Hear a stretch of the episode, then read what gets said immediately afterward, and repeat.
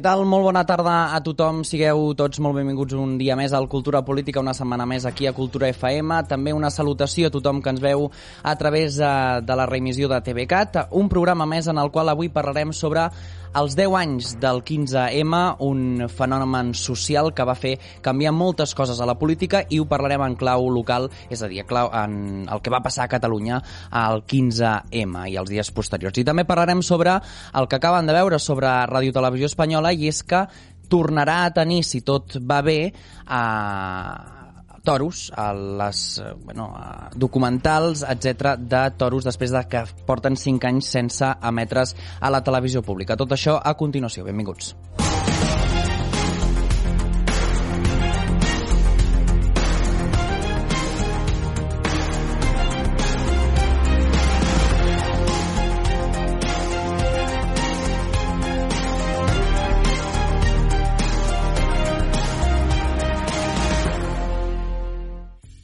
I amb qui parlarem de tots aquests temes que acabem d'avançar? Doncs uh, primer de tot amb el Javier Llorente de Confluència Jove, què tal? Benvingut. Moltes gràcies. També amb la Lídia Gómez de JSC, benvinguda. Benvinguts. També amb el Jordi Planes de Joves Demòcrates i amb la Cira Bat que torna a repetir després de la setmana passada. Esperem que avui no se'ns marxi la llum eh? de les noves generacions del PP. Què tal? Benvingut. Buenas tardes. Doncs uh, parlarem de tots aquests temes, però abans parlem del titular, però evidentment parlem sobre el que ha passat avui uh, aquest matí a, a Ceuta.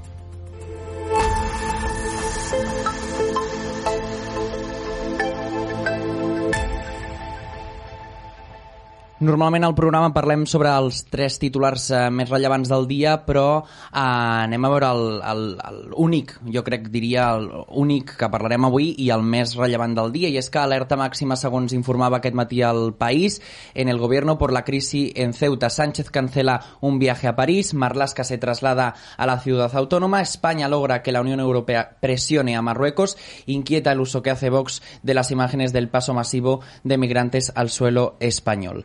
Doncs, eh, si us sembla, comencem a fer una petita ronda del que ha passat durant aquest matí. També s'ha sapigut que el govern eh, s'ha volgut citar amb la... Doncs bé, amb, amb la delegació de, a, a Marruecos, per, per, al Marroc, per tot el que, a tot el que ha passat i parlar-ne una mica de més a prop, si et sembla. Uh, Javier Llorente, de Confluència Jove, comencem per tu. Quina valoració feu d'aquest episodi d'alerta massiva, segons informava el País?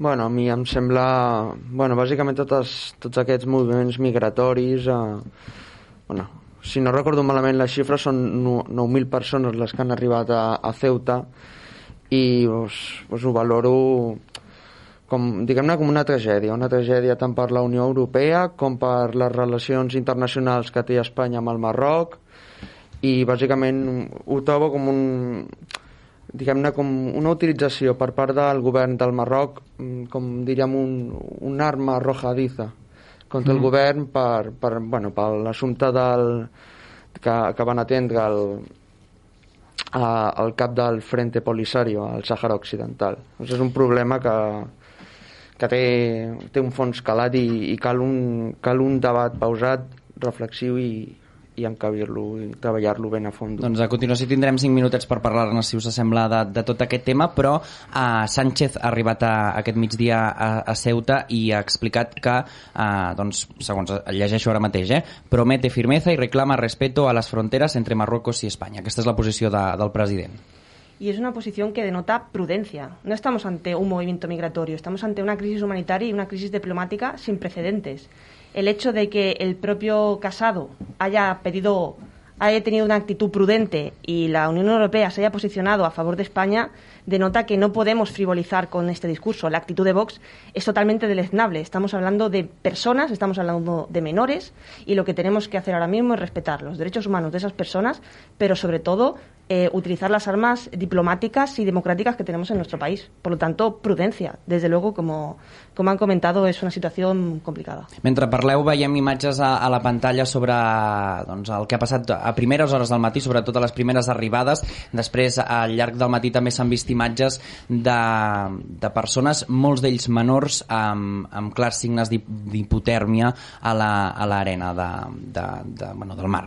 Uh, Jordi, Bé, eh, jo amb preocupació, és a dir, són unes imatges que evidentment eh, no agraden a ningú, són unes imatges que preocupen i que generen preguntes, però també evidentment eh, no només de com s'ha produït aquesta situació, per què ha passat això, sinó també de la gestió que n'està fent el govern. Tots hem vist imatges de fins i tot militars amb porres eh, doncs, agredint a persones que estaven eh, creuant la frontera. Per tant, eh, evidentment és una problemàtica que s'ha de, de gestionar. Crec que la diplomàcia, evidentment, és la sortida. Eh, crec que la Unió Europea s'ha d'implicar, crec que el Marroc s'ha d'implicar, però el que no pot ser és que la resposta davant d'una crisi humanitària, eh, que bueno, és com la definim, la resposta sigui doncs, a utilitzar la força contra unes persones eh, que es troben en una situació tan vulnerable y que evidentemente doncs, també hi ha menors implicats. Asier. Bueno, eh, lo primero, actitud prudente, tal como ha dicho la compañera del Partido Socialista, el presidente del Partido Popular, Pablo Casas, ha dicho actitud prudente. Es verdad, hay que utilizar la diplomacia. Pero bueno, mmm, lo primero que ya incumplió diplomáticamente fue el presidente del gobierno cuando históricamente, siempre cuando un, un presidente del gobierno de España jura ser cargo ante su majestad el rey, el primer sitio donde va es a Marruecos. Sánchez no fue el primer sitio que fue a Marruecos.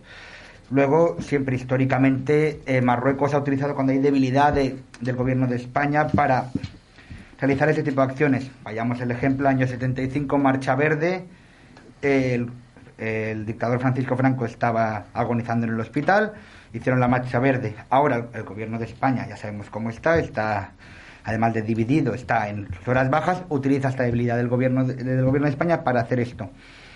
Eh, esto es, es, una vergüenza. El uso político utiliza, verdad, Mohamed VI para, con, sus ciudadanos, enviándolos a Europa. Pero bueno, eso tiene que ser mediante la diplomacia y mediante, pues ya se, ha llamado a consultas a la embajadora de, del Reino de Marruecos y creo que, que el, el, gobierno de Mohamed VI ha llamado a consultas a la embajadora del Reino de España en su país. Entonces, que, que, a ver la diplomacia lo que hace y si no, bueno, pues supongo que habrá consecuencias económicas o inclusive no sé qué hará la Unión Europea en materia de multas a nivel, puede hacer multas a nivel coercitivas. Uh -huh.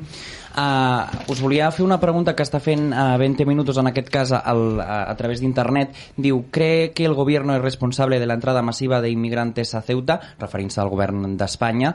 En aquest cas uh, han votat més de 9.000 persones i la majoria, eh, el 66%, diu que Espa sí, España no debió acoger al líder del Frente Polisario y la llegada de inmigrantes irregulares es la respuesta. No, la llegada de inmigrantes es independiente de la relación política que están manteniendo España i Marruecos, això un 26% no han votat, i no ho sé, un 7,76% dels vots. No sé si quin posicionament teniu vosaltres, o voleu afegir alguna coseta. Asier.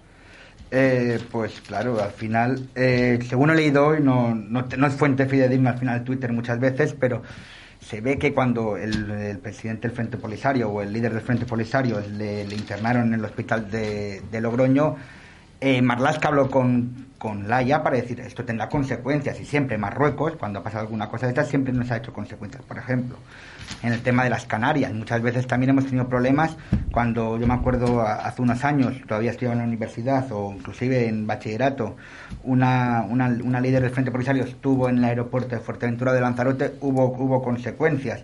Al final el, el gobierno marroquí Mohamed VI siempre siempre cuando siempre utiliza este tipo de este tipo de acciones, utilizando desgraciadamente a su población. Pero bueno, esto como he dicho antes, mm, es culpa del gobierno de España, podía haberlo previsto. Cuando tú tienes este problema, lo puedes preverlo, y más conociendo históricamente cuando ha sido la relación con Marruecos, 50 años llevamos así.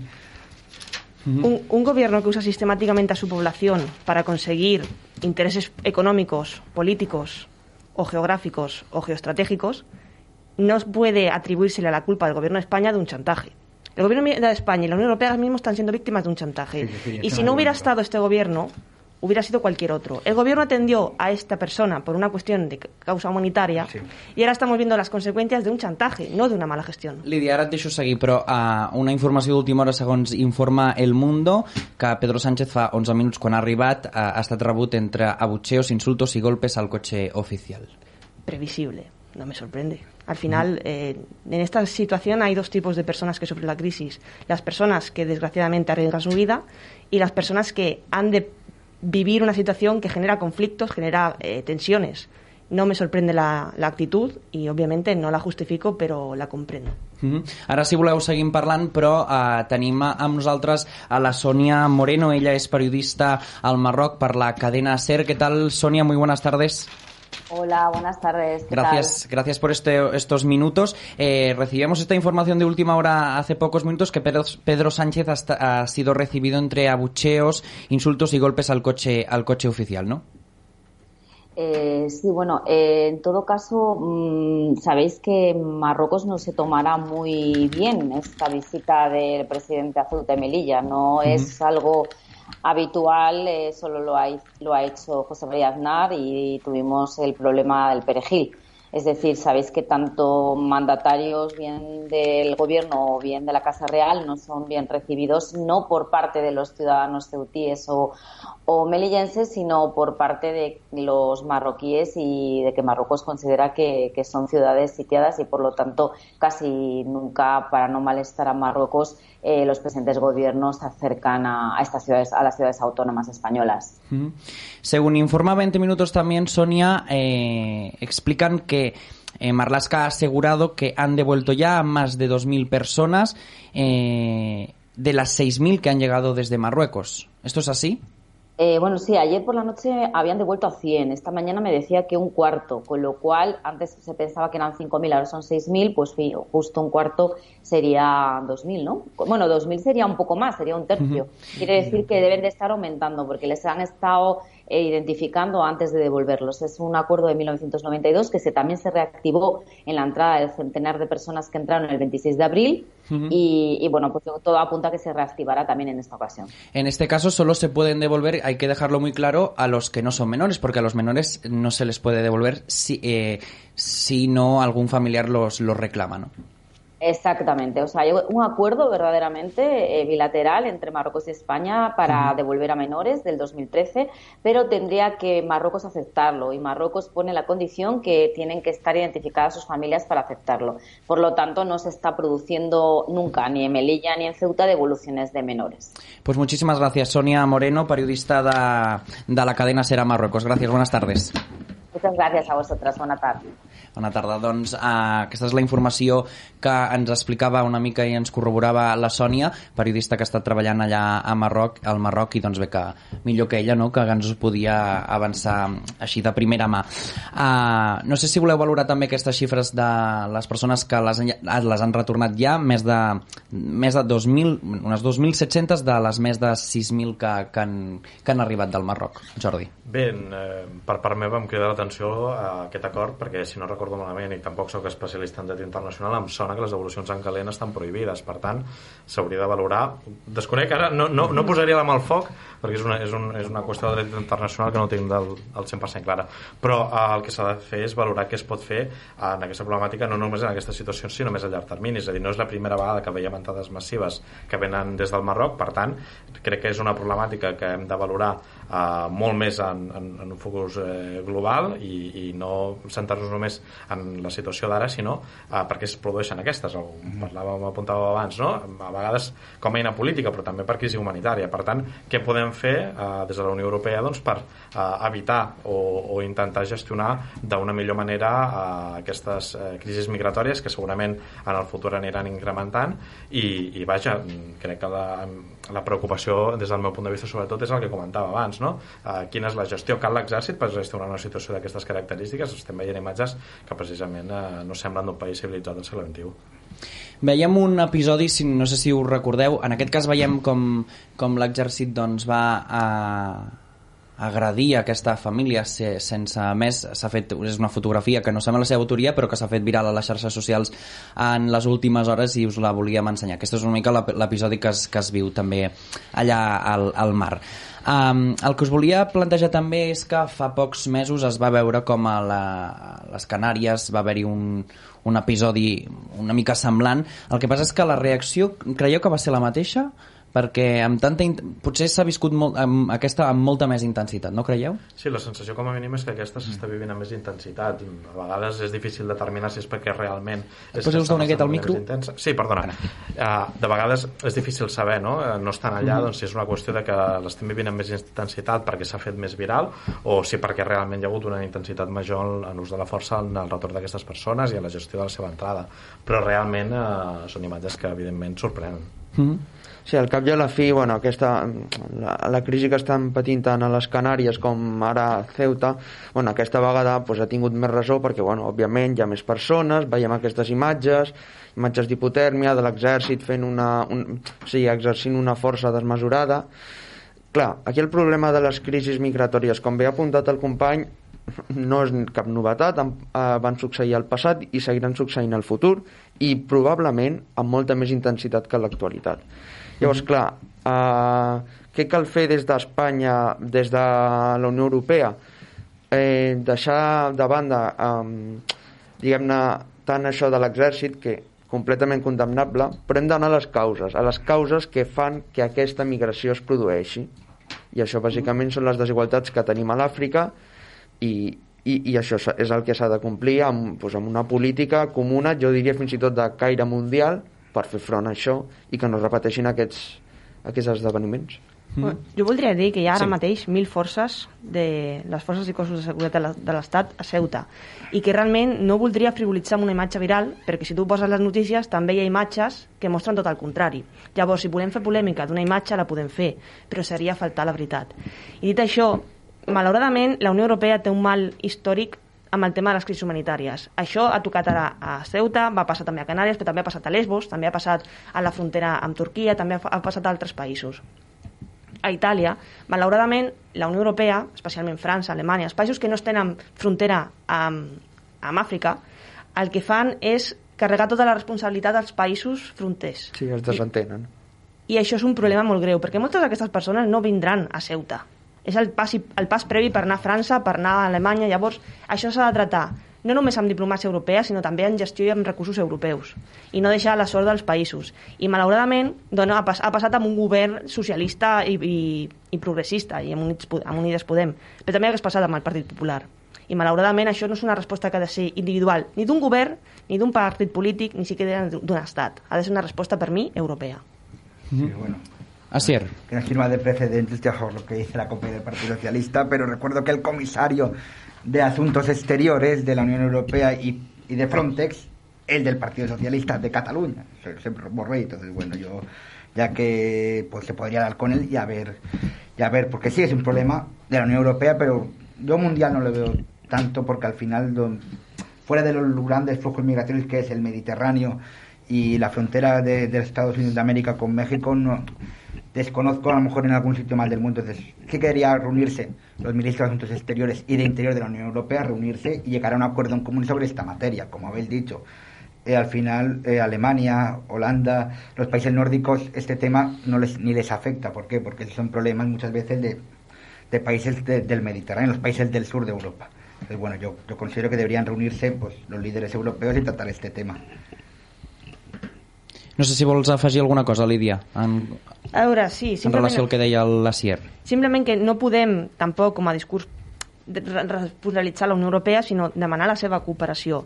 Eh, malauradament, la l'històric de la Unió Europea no ens deixa en bon, en bon lloc. I el tema de Ceuta és una crisi més. Hi ha hagut el tema de Lesbos, hi ha hagut el tema d'aquest vaixell que va estar durant 20 dies a les costes d'Itàlia. Llavors, com és un problema que es repeteix, el que hem de fer és fer diplomàcia europea. Espanya ha de tenir, en aquest cas, eh, el lideratge, perquè és un tema també històric de, propi del Marroc i d'Espanya, però evitar, sobretot, fer un ús polític d'aquesta crisi i evitar els discursos de xenofòbia com ha fet Vox, cosa que hem de condenar totalment perquè són persones. Parlàvem abans, eh, ja per acabar, eh, un últim apunt sobre l'ús eh, de les imatges que s'havien vist en les darreres hores per part de Vox. No sé si voleu fer una petita valoració de, de l'ús que n'ha fet eh, aquest partit. Eh. No, em sumo totalment a la crítica i a la condemna de la companya. Crec que no s'ha de fer un ús polític eh, per promoure discursos xenòfobs i racistes, evidentment. Altra cosa és evident, com, i repeteixo, torno a apuntar, eh? hi ha hagut actuacions que s'han vist que no són correctes. No vol dir que s'hagi de generalitzar i segur que hi ha molts bons professionals que estan fent la millor tasca, però efectivament hi ha hagut eh, doncs, actuacions eh, negligents o incorrectes i efectivament eh, doncs, que un partit polític les utilitzi per fer un discurs xenòfob, racista, doncs crec que no, no hi ha lloc i ha de ser, la condemna hauria de ser unànime per part de tots els partits polítics. Sí, no sé si voleu afegir alguna coseta. Eh, bueno, bàsicament afegir que bueno, de Vox eh, bueno, era esperable perquè sempre aprofiten la desgràcia jo crec que dels més vulnerables per fer bueno, per fer això, campanya, per crispar, per fer... Bueno, és que en veritat eh, no, no té cap mena de sentit fer, uh, fer, o sigui, fer aquesta mena de comentaris amb, respecte a aquesta gent que al, al cap i a la fi són títeres en mans dels de, interessos, en aquest cas de, del Marroc i bueno, sí, pues, l'absoluta condemna. En relació també al que parlàvem la setmana passada al programa sobre la gran estafa de, dels, DNI, dels carnets de conduir, eh, s'ha sabut que una de les integrants d'aquesta màfia, entre cometes, o d'aquesta organització que, que creava aquests eh, carnets de conduir falsos, s'ha de dir que tenia relació amb Vox i, i els estafats, entre cometes, o les víctimes eren, la majoria eren immigrants eh, sense cap documentació. Per tant, suposo que en aquest cas cas no, no, teni, no tindrien cap problema en, en utilitzar-los no, com, a, com a negoci. A veure, és que tan important és condemnar a Vox per les seves paraules com no donar-li pes a les institucions. És a dir, aquí tenim un partit polític, que es diu Però... Partit Popular, que s'està està donant pes polític i estan, està traient endavant mesures gràcies a Vox. Llavors, és hipòcrita condemnar Vox per les seves actituds, però a la vegada tenir suport d'aquest partit que és clarament xenòfob, racista i tot els cistes que vulgui assenyalar. Avui parlem també sobre el tema dels toros, que, que té molta relació amb aquest acord entre... Por alusiones, PP y Vox. Por alusiones, Rápidamente, ¿eh? ¿eh? Al final, yo no soy el defensor de Vox ni vengo en representación de Vox, pero a Vox alguien le vota. Tienen derecho a estar en la representación y tienen y, el, y cualquier partido tiene derecho a llegar a acuerdos. Vosotros sabéis llegar a algún acuerdo con Vox que yo sepa yo en el Congreso de los Diputados. Els fons europeus que aquesta responsabilitat que no bueno, va assumir bueno, el Partit ja, Popular... Ja habéis tenido un acuerdo con Vox. Mm, Bueno, de I fet, no, la, i- Vox de fet no va arribar a cap acord amb nosaltres, va, usar, Pero bueno, va, sido un acuerdo con va, Vox. sigut, va ser una confluència. Bueno, Ara, ara, si us sembla, parlem, però fa pocs dies, eh, deixem ja aquest tema sobre Ceuta, estarem molt atents a les últimes hores que ens arribin, però seguim amb el programa perquè el primer tema, com hem avançat al principi, anava sobre els 10 anys del 15M, aquest moviment social, com dèiem, que va fer tants i tants canvis, o que va proposar tants i tants canvis a la, a la política espanyola. Això ho parlarem en el debat.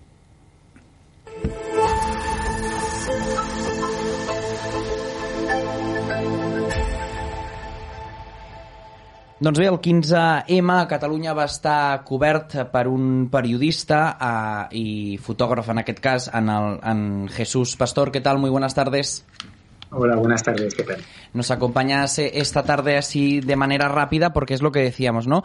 Um, tu vas cobrir aquesta, aquestes manifestacions de, del 15M, el moviment del 15M, uh, i en aquests darrers dies també vas fer un reportatge d'opinió al, a Catalunya Plural, aquest diari digital, en el que explicaves una miqueta la teva experiència, no? que és el que vens a explicar-nos avui de com ho vas viure tu com a professional i també eh, he extret alguns dels temes que has parlat en aquest reportatge, Jesús, eh, parlaves de que aquestes, eh, aquests moviments parlàvem rap, en majoria no, de que demanaven transparència i un canvi eh, que s'havia de veure ràpidament a la política. No? Era això realment el que es veia als carrers aquells dies?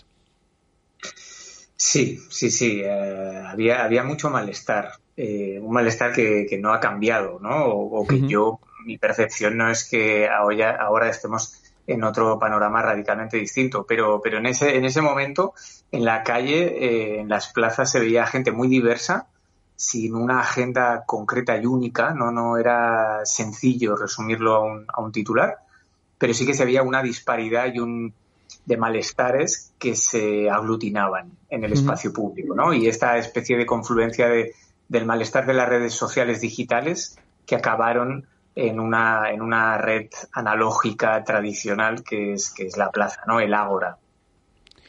Jesús, si et sembla, eh, parlaves de que és difícil donar un titular, però et deixem connectat perquè segueixis escoltant el debat. Eh, el, el, els que sí que els hi demanaré un petit eh, titular d'aquests 10 anys del 15M són els eh, tertulians que avui ens acompanyen. Si ens sembla, comencem per tu, Lídia, eh, de la JSC. Va ser un moment en què Zapatero governava en aquells moments.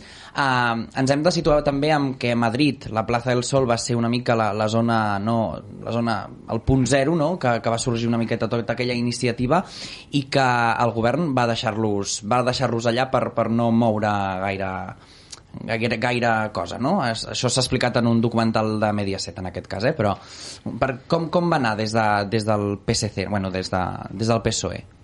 parlaré una mica des de la meva experiència, perquè jo vaig viure el, Mhm. el 15M al seu naixement. Va haver-hi canvis polítics. En aquesta última dècada, el 15M ha introduït canvis tant en la vida interna dels partits com a la vida de les institucions, tant a nivell de transparència, de control, de major responsabilitat a l'hora de gestionar els recursos públics i, el recurs, i la democràcia interna. Llavors, com es vivia en aquella època? Es vivia amb, amb expectativa. No? Com, a, com a jove, veies que realment hi havia una necessitat de, de que la ciutadania es, es sentís representada als partits polítics i a la vegada era com una, un, una, un canvi generacional. És a dir, van passar al PSOE per molts canvis i el PSC igualment.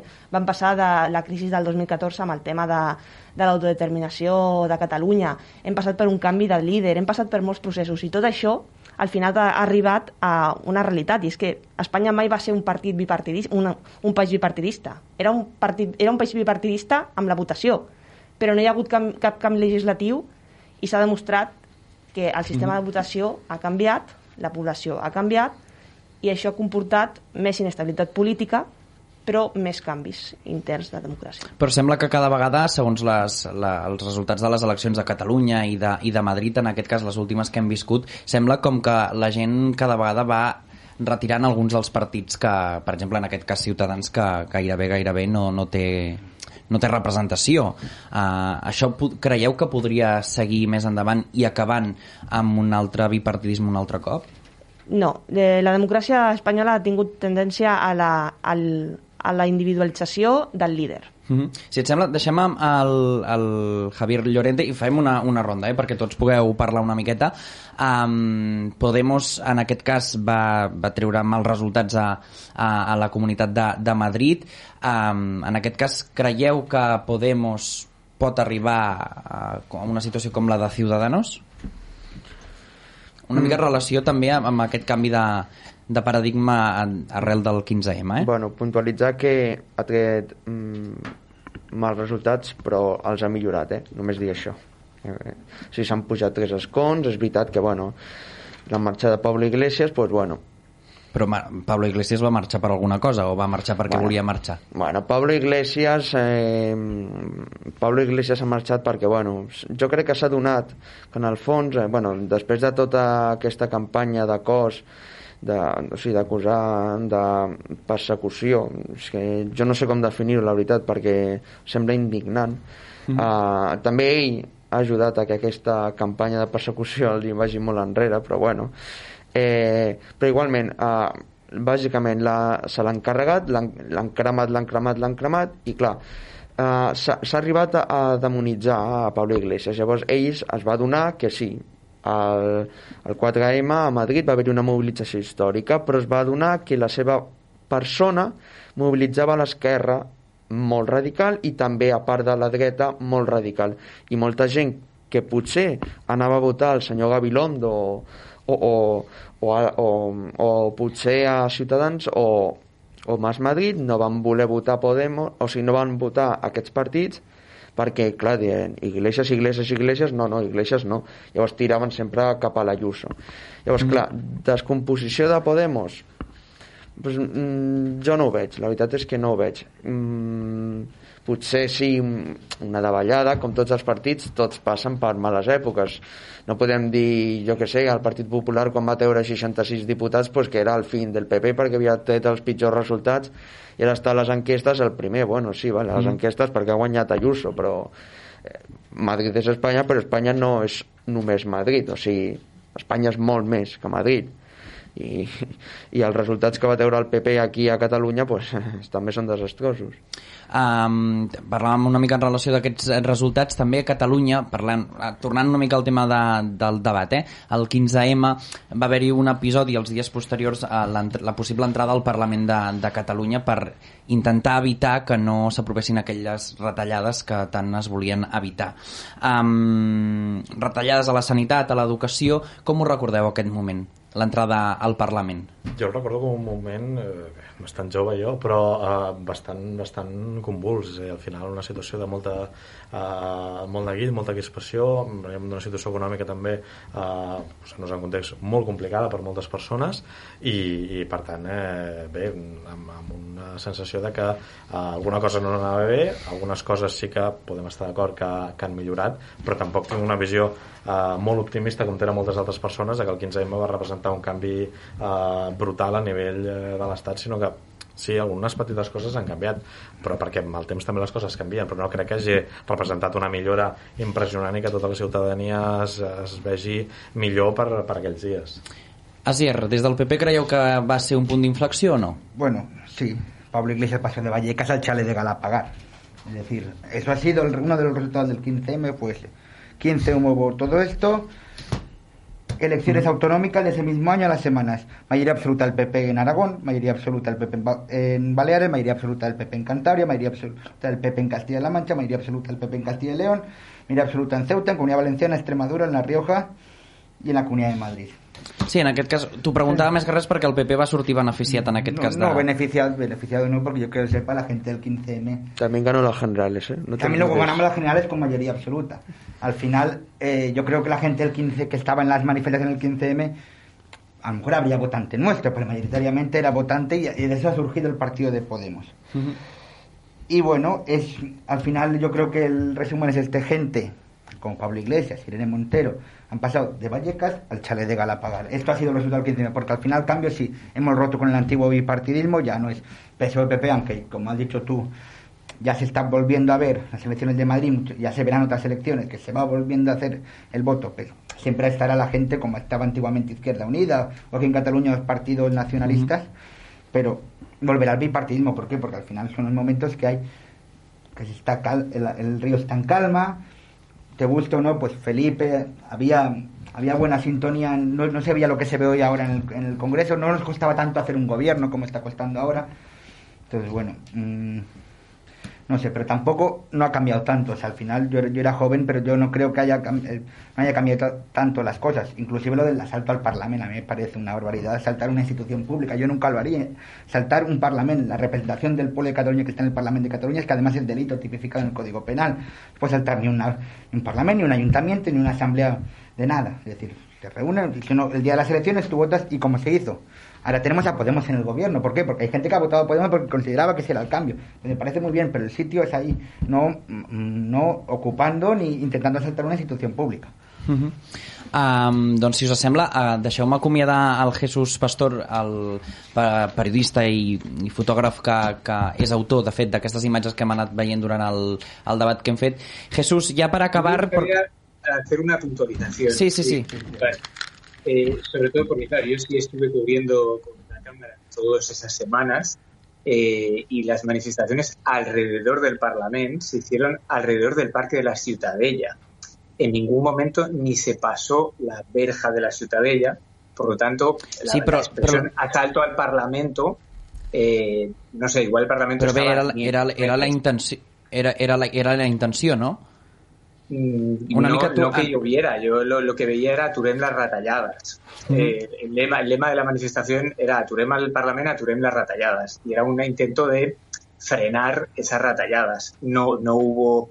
eh, hemos visto muchísima más violencia, he fotografiado mucha más eh, violencia en Vía Layetana eh, o ahora recientemente con el caso de Pablo Hassel que en aquellos días, que no es que no, no hubo esa tensión en las calles. Había mucho, mucha agitación y lo que había curiosamente es eh, un cántico permanente que era el no nos representa, Uh que yo creo que a veces nos olvidamos de que hay ronda, ¿no? El 30% de la población eh, ignora eh, el sistema bipartidista o multipartidista y no vota y, y que hay mucha gente que, que, bueno, que el resultado es- yo creo que es el que tenemos, ¿no? Esta polarización eh, y esta política de cada vez más ruido y más gritos y menos complejidades y menos complicidades.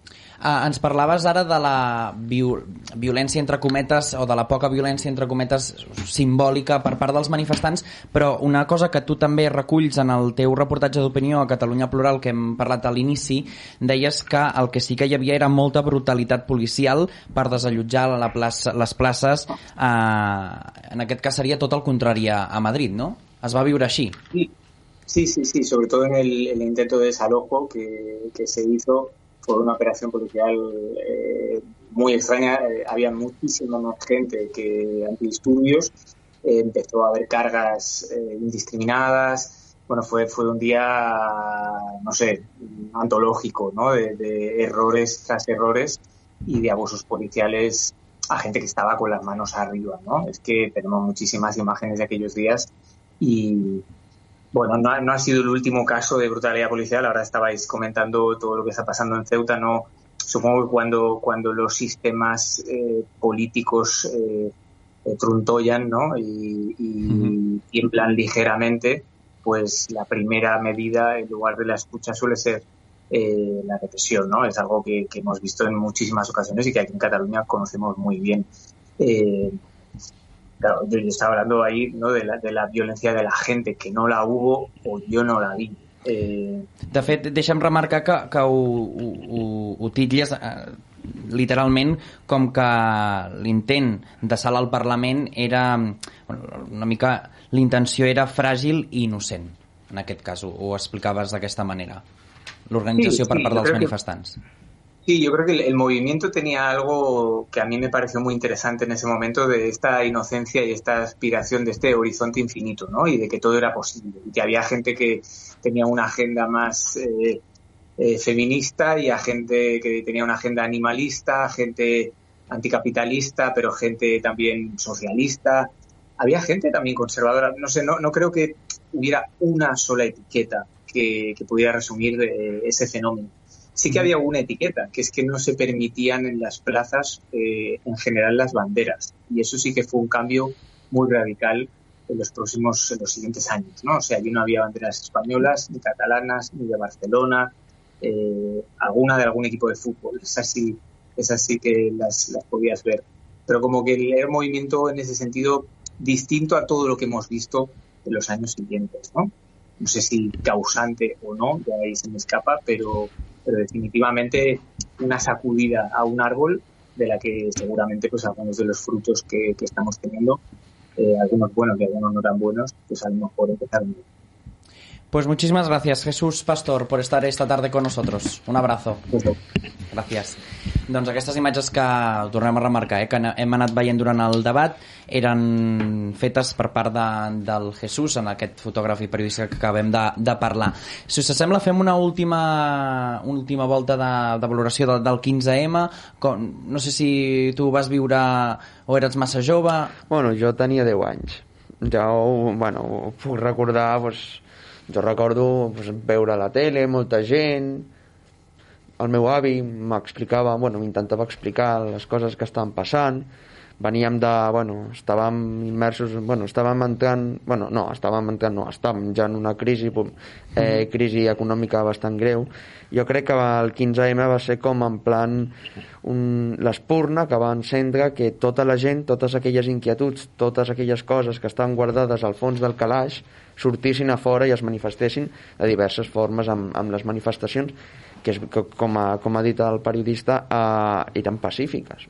Jo no recordo veure gent entrant a llocs allà a lo loco ni, eh, ni o sigui, no, no, no es veia violència. Més, més bé jo, jo recordo com un ambient d'alegria també d'optimisme de, de pues com mm, de ganes de voler canviar les coses. I, arrel, i arran d'això pues, van sorgir pues, pues, nous partits com pot ser pues, Podemos o, o també jo crec que fins i tot Vox pot ser fruit del 15M uh -huh. Ciutadans bueno, ja existia el 2006 però també va a poc a poc ja es va veure les eleccions catalanes després el seu salt quan va anar a les andaluses i, i després a, a, a les generals o sigui, vull dir mm, al final, al cap i a la fi, no, no, no es demanaven, es demanaven coses que, que jo crec que, que, sabia, que no s'havien complert i que, eren, i que era hora de, de que es complissin. Doncs seguim amb el programa, deixem ja davant del 15M 10 anys, que sembla que parlem de fa molts anys, però 10 anys tampoc tampoc és tant, eh? És, però, però, però no és, eh? En, en aquest cas, 10 anys uh, fa, fa bastant poc, diguéssim, entre, entre cometes. Però deixeu-me, abans de seguir amb el programa, parlar d'un un testigo, un testigo directo que, segons informa El Mundo, diuen que segueixen entrant immigrants en relació relació al que deia, el que parlàvem de Ceuta, eh? Uh, empapados por la playa y Marruecos eh, y en Marruecos hacen cola para salir. Esto es una locura. Doncs bé, deixeu-me que, que afegeixi això mentre uh, seguim trobant més informació d'última hora, però ara ens visita el Germán Zambrana, l'analista polític, a Informe Zambrana.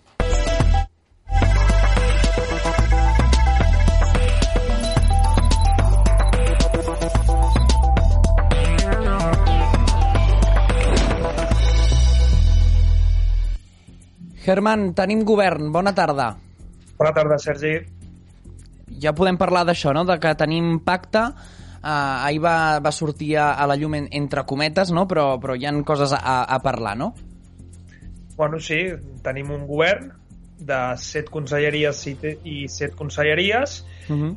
i, bueno, com a primer comentari m'ha sorprès molt uh, he vist que hi ha moltíssima gent que, que comentava que Esquerra no ha sabut negociar o, que, o que la, negoci la negociació l'ha perduda. Jo crec que si mirem i tirem una mica enrere el que va passar quan van conformar govern eh, Junts i Esquerra amb la diferència de que la presidència era per Junts més o menys la, la, la cosa està bastant equilibrada. El tema és que han trigat tres mesos per configurar un govern pràcticament igual. Uh, si, si ens fixem pràcticament hi ha hagut un intercanvi de conselleries les conselleries que abans tenia Esquerra ara les, les tindrà Junts i, i al revés, i canviar la, la presidència. Uh, aquest seria com el primer comentari per, per mi, de lo més rellevant. Germán, si et sembla, veiem ràpidament perquè anem molt malament de temps avui, però eh, anem a veure un petit tall d'ahir de, de Pere Aragonès en el que feia una mica balanç d'aquest pacte i del que deies tu, no? d'aquestes eh, set conselleries eh, ben paritàries. Un govern de 14 departaments eh, en el que Esquerra Republicana i Junts per Catalunya proposaran els noms i seran acordats amb la presidència abans del seu nomenament. Un govern que sigui el 100% paritari, amb set consellers i conselleres a proposta de Junts i set consellers i conselleres a proposta d'Esquerra Republicana, que n'ostentarà la presidència i també, com a president, nomenaré una persona com a portaveu del govern. La vicepresidència correspondrà doncs, a proposta de Junts doncs bé, aquest és el petit balanç de Pere Aragonès. Uh, ara, tot seguit, parlarem i veurem un, un tall, de, en aquest cas, de Junts per Catalunya, avui a planta baixa, en el que feien valoració. No sé si el podem, no sé si el tenim preparat, i ara el comentem, si et sembla. Germán, de, de Junts per Catalunya, en aquest cas a la planta baixa, en el que doncs, parlava de que no s'ha de, de mirar endavant, però sense oblidar el que, el que ha passat abans. En el cas nostre eh, faltava espais de confiança i en continua faltant. Aquesta negociació no es pot entendre sense mirar les motxilles que cada persona i cada organització portava darrere i les relacions que havíem tingut en l'anterior eh, legislatura. No? I, per tant, hem d'entendre el present, no mirar el retrovisor, però ser conscients d'on venim. Doncs això deia Jordi Sánchez aquest matí. Què veiem eh, en Jordi Sánchez? Germán. Ah, bueno, jo, jo, jo, del que han dit Pere, eh, Pere Aragonès i, i, i Jordi Sánchez, jo, jo el que faria és un anàlisi més del què es queda cada partit. I, i si tu mires el còmput general de, del pressupost que gestionarà una part del govern i una altra, veus que el pes de, en el govern de Junts per Catalunya és superimportant. En termes econòmics, eh, Junts per Catalunya gestionarà més diners que, que Esquerra Republicana, tot i tenir la presidència. Uh, Junts per Catalunya gestionarà uh, coses tan importants com els fons europeus, o sigui, la Conselleria d'Economia se la queda Junts per Catalunya i tot sembla que serà el Sartadi, es queda Salut, que són les dues àrees més importants uh, de l'executiu català. En uh mhm. -huh. canvi, Esquerra Republicana, si t'hi fixes, es queden conselleries més simbòliques, no? que, que tenen menys pes en el pressupost eh, en el pressupost de, de, de la Generalitat, no? Llavors, aquesta és la lectura. Crec que Junts per Catalunya aquesta vegada ha optat per un rol més executiu, en canvi, en el 17 va ser un rol més simbòlic perquè les conselleries més importants estaven en mans d'Esquerra. Com dic, crec que tres mesos per arribar a aquest acord no s'expliquen eh, si no és per la intenció de Junts per Catalunya de tenir el màxim poder possible, i perquè Esquerra, òbviament, volia limitar aquest poder. Que és l'estratègia que, que ens vas avançar tu fa programes enrere i que la setmana passada la vam posar en dubte, entre cometes, per la posició en la que estàvem, no? amb l'amenaça a noves eleccions de, de Jordi Sánchez en aquest cas, però bé, s'ha complert la, la teva la teva, doncs, la teva teoria en aquest cas. Um, Germán, si et sembla anem a veure la posició en aquest cas dels comuns de Jessica Albiach que ahir va parlar en roda de premsa. Pensava que al final el senyor Aragonès acabaria sent un president tutelat per la porta del darrere. Però avui, amb el pacte que hem vist entre Esquerra i Junts per Catalunya, el que veiem és que el senyor Aragonès ha acabat sent o acabarà sent un president tutelat per la porta del davant. Per la porta del davant, Germán Zambrana, sense vergonya, no? Suposo que, que, que, que es refereixen a, a que no, no han tingut vergonya.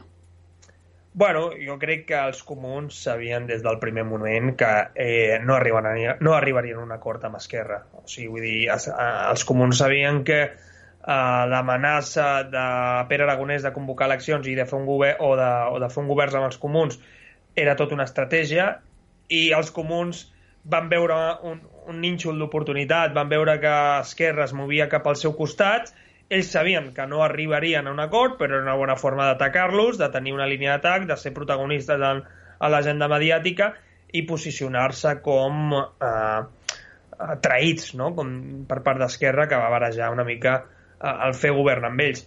Jo crec que la clau està aquí, que jo no crec que sigui un, un fracàs de la negociació per Esquerra. Òbviament, si no haguessin tingut, eh, si Junts no hagués tingut eh, conselleries com la d'Economia i Educació, jo et diria, hòstia, doncs, el gran guanyador de la negociació és Esquerra. Però jo crec que és una negociació pràcticament igual que va passar el 2017. El que passa és que veig que n'hi ha moltíssima gent que tilda aquesta negociació com una gran pèrdua per a Esquerra Republicana. I a mi em sobta perquè és que és bàsicament el mateix acord que el 2017 intercanviant conselleries. Acabem de veure la reacció de, dels comuns, però anem a veure la reacció, de, en aquest cas, de, de la CUP, que amenaçava ahir en roda de premsa en què si no es posaven les piles al govern en els temes de, del boicot, entre cometes, a la, als defensors de, de la hipoteca, doncs que ells no, no hi participarien en aquesta, en aquesta doncs, doncs no hi participarien. Anem a veure el, el tall i ara ho recuperem. I l'exemple ens sembla que és evident. Si durant les properes setmanes no s'atura la repressió contra el moviment en defensa de l'habitatge i no es busca i troba la manera de retirar la policia militaritzada dels desnonaments, la CUP un nou cicle per guanyar no podrà sostenir aquesta majoria parlamentària.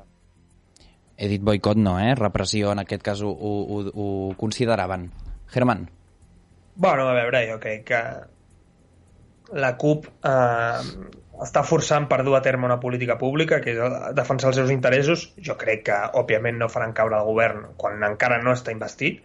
Uh, potser s'abstenen, però serà suficient eh, pràcticament amb els vots d'Esquerra de, i Junts. Uh, vull dir, no, no crec que n'hi hagi problema per, per investir uh, per Aragonès. Simplement crec que el que estan fent aquí és marcar molt, molt, molt bé quin serà el to, uh, uh, quin serà, com serà la seva presència, aquí, com serà la seva actitud durant el proper govern i aquest és el primer el, el primer enfrontament que tindran no? que, que, que, que enfrontar-se a les diferents aristes del, del govern i bueno, eh, això és comunicació política, això, això és estratègia. Ells són el soci minoritari, ara sí, perquè encara no hi havia un acord, i per fer-se notar, per fer-se important, han de fer actes com aquest. I, i això és de, de primer de màrqueting polític. Doncs Germán Zambrana, moltíssimes gràcies per, per estar avui amb nosaltres, una tarda més. Acabem aquí la secció la, fins la setmana vinent, doncs. Merci. Molt bé, Bona tarda. adéu. Doncs, uh, si us sembla, encarem ja el segon el segon debat, en aquest cas parlem sobre els toros, que tornen després de 5 anys a Ràdio Televisió Espanyola. Anem a veure, si us sembla, la l'última corrida, en aquest cas, uh, fa 5 anys a Ràdio Televisió Espanyola.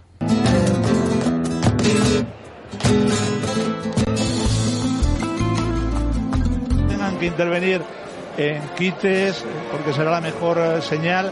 Y ese despeje de plaza ese paseillo han visto ya veterinario primera, primera toma de contacto.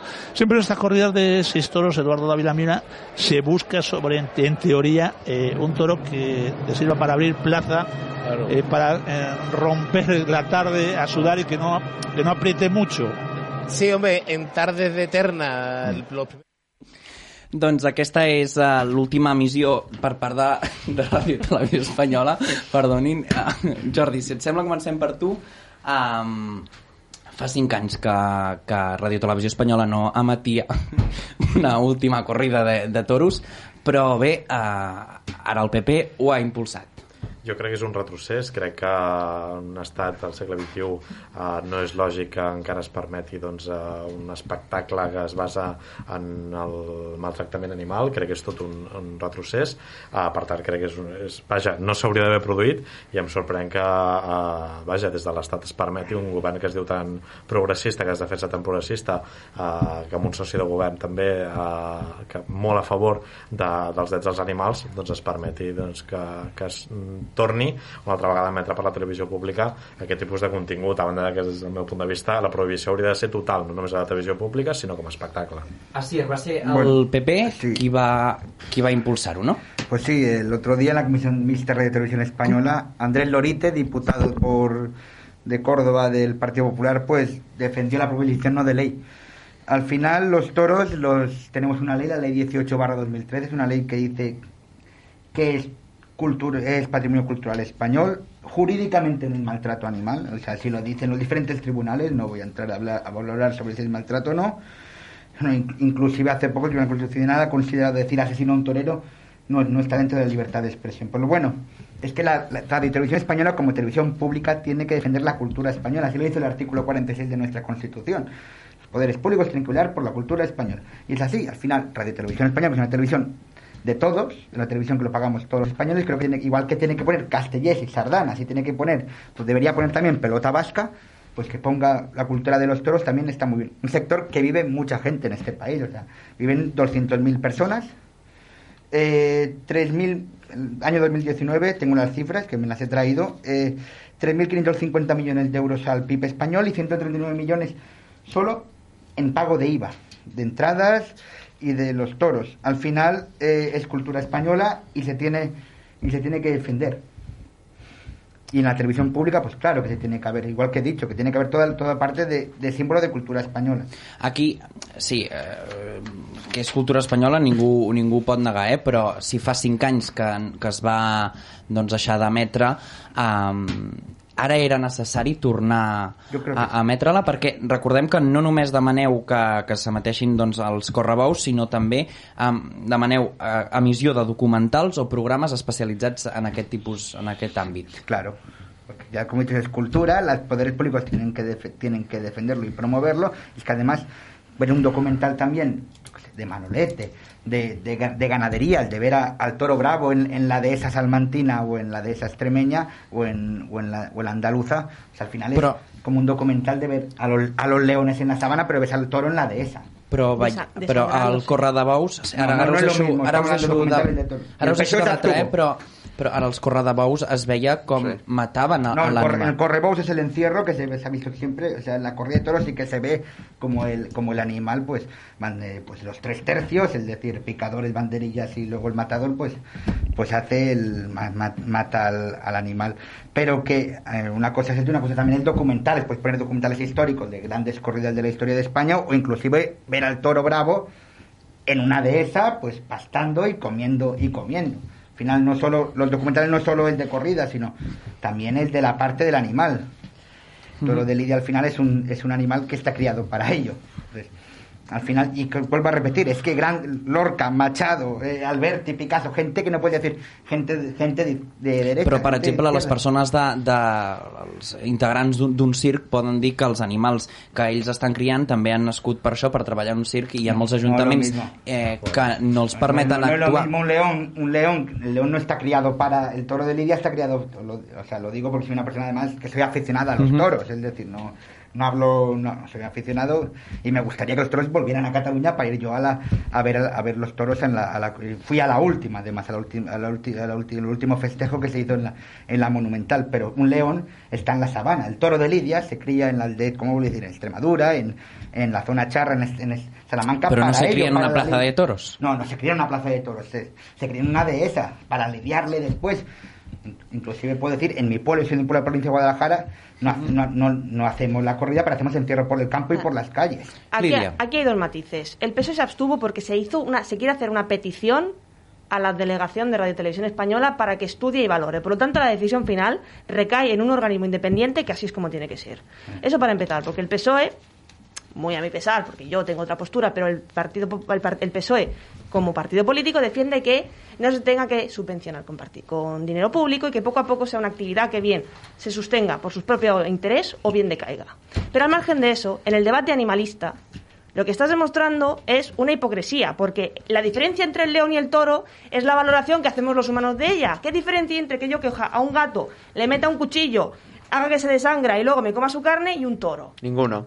Es la La hay, la hay, la hay. Sí, la valoración y el uso que hacemos nosotros como humanos. No, no, no, la hay, porque al final el toro de día, vuelvo a repetir, que se cría para ello. El También había, se- también había mucha gente que vivía de la esclavitud y no por Vamos ello a lo ver, los toros son justificamos. seres humanos, no me vas a Y el toro es un ser sintiente. Pues no ya es lo mismo está. un toro que un ser humano. Parlábem- de- Exactamente lo mismo. Existencias de vida completamente Exacto, el ser respetables humano- con los el- mismos el ser humano derechos. puede pensar Bueno, y- vale. y, puede ver... Vayamos al tema, animal. vayamos por la tangente. Jurídicamente no es lo mismo un ser humano, una persona, Bueno, és que, que, un animal. bueno, eh, Vayamos a la jurídicament, tangente, sí. vayamos el que al s'ha de tema. deixar clar, el que s'ha de jutge deixar... digui que Jordi, perdó. perdona, el que s'ha- ara et deixo, ara et deixo afegir, eh? però el que s'ha de deixar clar és que el Partit Popular, eh, com s'ha dit, va presentar una proposició no de llei. En aquest cas, eh, si no m'equivoco, no té capacitat legislativa i això ens ho, ens ho explicarà l'Andrea Mendiola ràpidament de Jóvenes Juristes. Què tal? Molt bona tarda.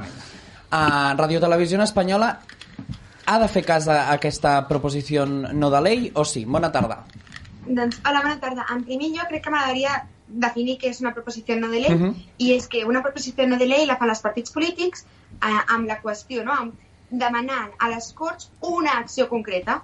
Per tant, el que estem veient és que no és matèria de llei. Per això es dirà proposició no de llei. Fins aquí tot ho tenim Mhm. lligat. Quin és el procediment bàsic? Doncs una, al Congrés es fa una petició, o sigui, per part d'un partit polític dintre del Congrés es fa una petició a la mesa del Congrés d'aquesta acció concreta, que ho farà per escrit, la mesa pot admetre o inadmetre, en aquest cas s'admet, passa a, al Congrés en general per al seu debat, que serà portat pel el cap de representació de la comissió concreta, en aquest cas hi ha una comissió concreta donant que es tracta d'un mitjà públic, i en aquest punt, doncs, bueno, a part de que es podran fer esmenes durant 6 hores, que és un temps molt petit, el que ens està demostrant el legislatiu quan va fer aquesta creació d'aquesta figura legislativa era bàsicament que fos algú ràpid. Per tant, això tindrà aplicacions després quan veiem o demanem la vinculació d'aquesta figura. Finalment, eh, si bé torna a passar pel debat amb el Congrés i s'aprova, no s'aprova, s'aprova, passa al Senat, del Senat es converteix en moció, s'aprova, no s'aprova, s'aprova, i estem en aquest punt. I ara crec que Raül podrà contestar millor la teva pregunta. En Ràpidament, ens queden, ens queden pocs minuts. Raül, sí, Sí, ràpid. ràpidament. Eh, lo que és la proposició no de llei, com el seu nom indica, no té cap mena d'efectes jurídics. No obstant, és, eh, lo que fan és instar o intentar obligar al govern de torn a complir amb, amb uns efectes socials, però no, no jurídics en cap cas. Val? En aquest cas concret, lo que eh, al cap i a la fi, la, qui tindrà la última paraula, com bé s'ha dit, serà la pròpia Corporació de Ràdio Televisió Espanyola. I pel que s'ha vist també en altres llocs, eh, no, en altres moments de la, de la història no solen fer cas en aquestes proposicions no encara que així ho hauria de ser. Doncs eh, Raül, Andrea Mendiola, moltes gràcies de Jóvenes Juristes per eh, doncs, posar-nos una miqueta més eh, clarament el que és eh, en aquest cas una proposició no de llei. Uh, gràcies, bona tarda. Uh, Jordi. Sí, no, vaja, deia que el company defensava que eh, el toro no pateix perquè ho diu un, un jutge a un tribunal, perdoni, jo discrepo moltíssim, un jutge podrà dir el que vulgui, però les imatges No. crec que demostren i, i salta a la vista. Hi ha moltíssimes altres coses que els jutges han defensat um, aplicant la llei durant moltíssims anys, coses que ara donem per suposades, que hem comentat abans, l'esclavitud, el dret de votar de les dones, per exemple, fa anys també prohibidíssim, entre moltes altres coses que ara donem per necessàries, bàsiques i que són drets fonamentals.